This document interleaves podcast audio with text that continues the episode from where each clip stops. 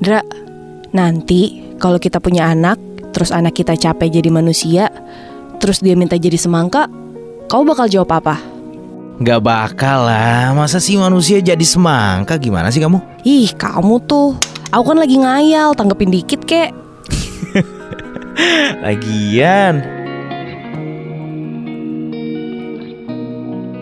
Aku nggak pernah nyangka deh, rumah sakit ternyata bisa jadi tempat terbaik yang pernah aku datengin. Ingat gak sih dulu waktu pertama kita... ketemu kan? Aku inget banget seberapa malunya kamu waktu kamu salah masuk ruangan. Muka kamu panik banget. Padahal itu ruang isolasi aku tau gak sih? Ya gimana lagi sih, aku kan dikerjain Brian waktu itu Lagian si Brian tuh ada ide banget ya Mau ngenalin kita aja pakai cara yang Aduh, Nora Eh tapi ya, aku tuh bersyukur loh. Brian ngasih orang terbaik dalam hidup aku. Makasih Yandra, kamu udah bertahan sejauh ini sama aku.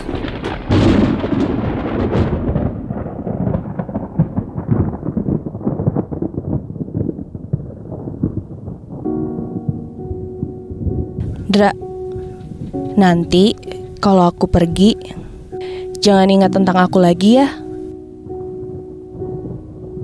Jalanin hidup kamu yang indah itu. Kepergian gak akan nyisain apa-apa selain kenangan. Vi, bisa gak sih kamu tuh sehari ngomong normal-normal aja gitu? Kita kan gak akan pernah saling kehilangan. Udah, kamu tenang aja ya. Ya tapi Indra, Udah, nih mendingan sekarang aku antar kamu untuk check up, oke? Bro,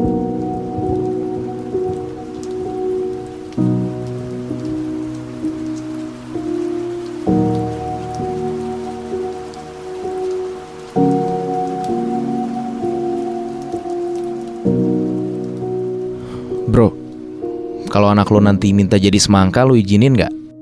Dra Ini tuh udah hampir 2 tahun loh Lu gak mau hidup normal aja bro Normal yang kayak gimana sih menurut lo? Gue masih ada di sini aja tuh udah normal banget. Gue pengen nanya sesuatu dong.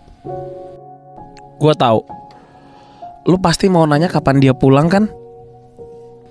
Kalau aja gue punya kesempatan, seandainya ya, seandainya malam itu, Gak ada.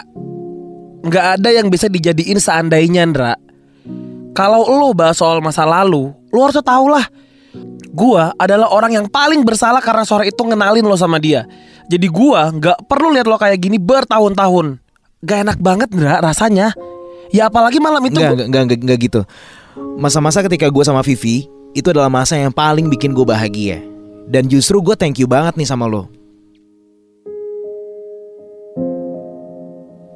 Gue cuman sedih. Kenapa sih penyesalan tuh selalu datangnya terlambat? Harusnya kan gue bisa treat dia jauh lebih baik. Kalau gue tahu dia pergi secepat ini.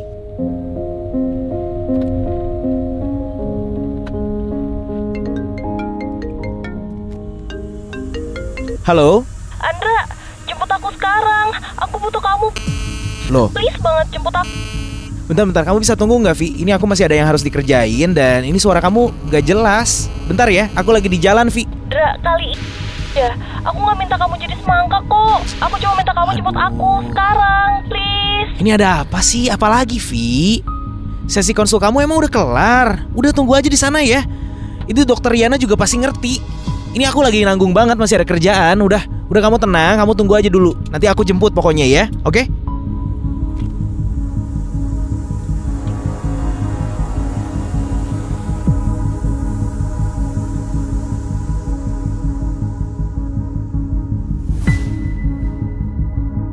Eh, gue nggak tahu kalau ternyata itu suara terakhir yang gue denger, suara Vivi.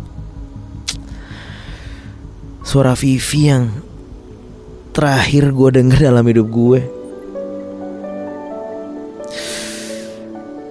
Demi Tuhan, gue nggak sanggup lagi nih buat jadi normal ketika gue tahu semuanya nggak akan pernah sama lagi. Ndra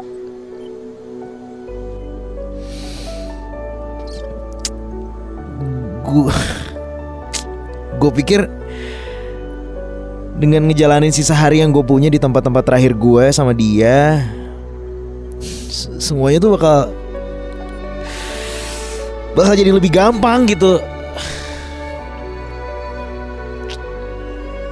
Tapi nyatanya nggak ada, nggak ada satupun kenangan yang bisa gue terima. Gue nyesel banget sumpah. Nggak ada yang tahu, Ndra. Nggak ada yang pernah tahu kalau rumah sakit segede itu bisa kecolongan ngebiarin pasiennya di luar kendali. Ya tapi itu tetap aja salah gue. Kalau aja gue datang tepat waktu pada saat itu dan gue nggak terlalu egois dengan kerjaan gue, gue dengerin Vivi pada saat itu yang benar-benar butuhin gue. Kalau aja gue nggak selalu nyepelein apa yang dia minta meskipun kadang nggak masuk akal. Kenapa gue nggak nggak lebih ngertiin dia? Kalau aja Dra, kalau nanti aku pergi, jangan ingat tentang aku lagi ya. Jalanin hidup kamu yang indah itu. Kepergian gak akan menyisakan apa-apa selain kenangan.